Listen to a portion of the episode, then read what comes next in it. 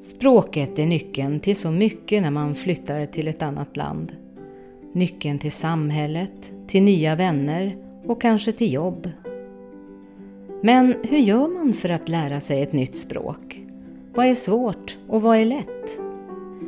Jag heter Ann-Sofie Lindholm och i den här programserien ska jag träffa några människor som gjort just det. Flyttat till Sverige, lärt sig svenska och tagit plats i samhället. Idag träffar vi Ali som började med att göra ordlistor över de ord han ville lära sig. Jag kom till Sverige fem år sedan. Jag började plugga hemma för att jag hade inte personnummer och det tog eh, ett år tills jag fick eh, alltså, börja skolan på SFI. Jag längtade efter SFI länge, ett år för att lära mig språket och det var de värsta dagarna som jag har upplevt i Sverige.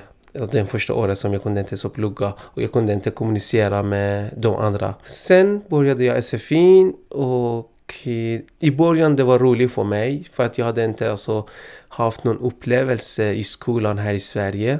Men sen det var brister som började att störa mig för att jag pluggade på kvällarna och jobbade på morgonerna. Och på kvällarna var inte så många alltså, lärare som jobbade alltså, fast. Det var många vikarier. Och det var inte någon plan, allt var alltså papper, det var inte bok, det var alltså massor som var inte så planerat. Och den störde väldigt mycket. Och jag är inte en person som pluggar hemma. Jag, jag, för att jag vill lära mig i skolan genom att kommunicera med lärarna och klasskompisarna. Men jag lärde mig mycket men det var inte så avancerat som jag kunde använda dem i, till alltså mitt arbetsliv eller för att, för att kommunicera eller hitta jobb. När du började där på SFI och, och det inte var så bra, hur, hur gjorde du Pluggar du ändå lite hemma eller hur gjorde du? Jag gjorde ett ordlist eh, för mig själv. Jag skrev ord som jag lär, alltså jag borde lära mig. Jag tänkte att jag måste lära mig alla dessa ord. Och jag pluggade dem och eh, upprepade dem i tunnelbana eller alltså i bussen, i pendeltåg.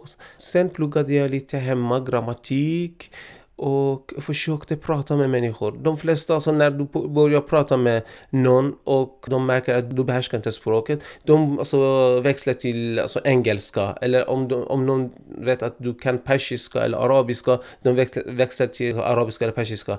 Men jag försökte att fortsätta så, alltså, med svenskan. Det var svårt men det, det funkade väldigt bra. Jag lärde mig mycket. Vilket mål hade du med svenskan i början? Alltså i början jag tänkte fortsätta till universitet. Mitt mål var alltså universitet.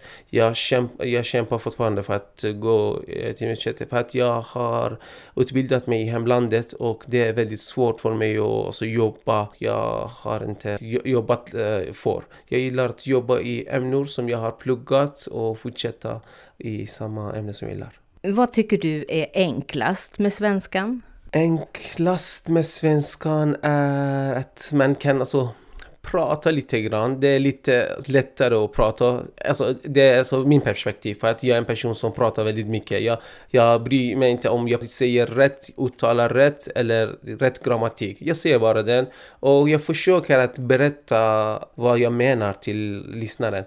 Men att skriva är väldigt svårt för mig. Svenska språket har ett svårt grammatik och lite svåra ord som, alltså, som uttalas på ett annat sätt som man skriver dem. Det tar ju tid och kraft att lära sig ett nytt språk.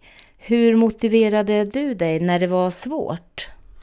Alltså svårigheten finns i alla språk men i Sverige, alltså den här moderna livet har gjort den ännu svårare. Man tror sig att det finns massor med hjälpmedel men grejen är alltså du går och handlar, allting finns i butikerna, allt eh, går att alltså, köpa utan att behöva kommunicera med en person. Däremot i våra länder, till exempel i Iran, man måste kommunicera för att handla mat. Om du vill ha till exempel ost, du måste säga jag vill ha ost, du får inte plocka den själv.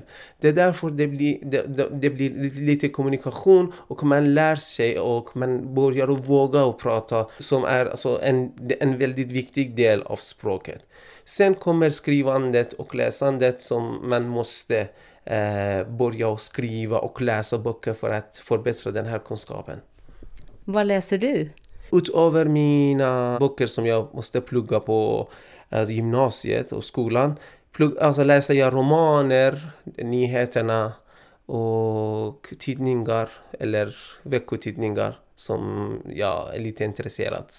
Till exempel IT-nyheter som jag gillar. Och avslutningsvis, vilka tips skulle du vilja ge till den som lär sig svenska just nu?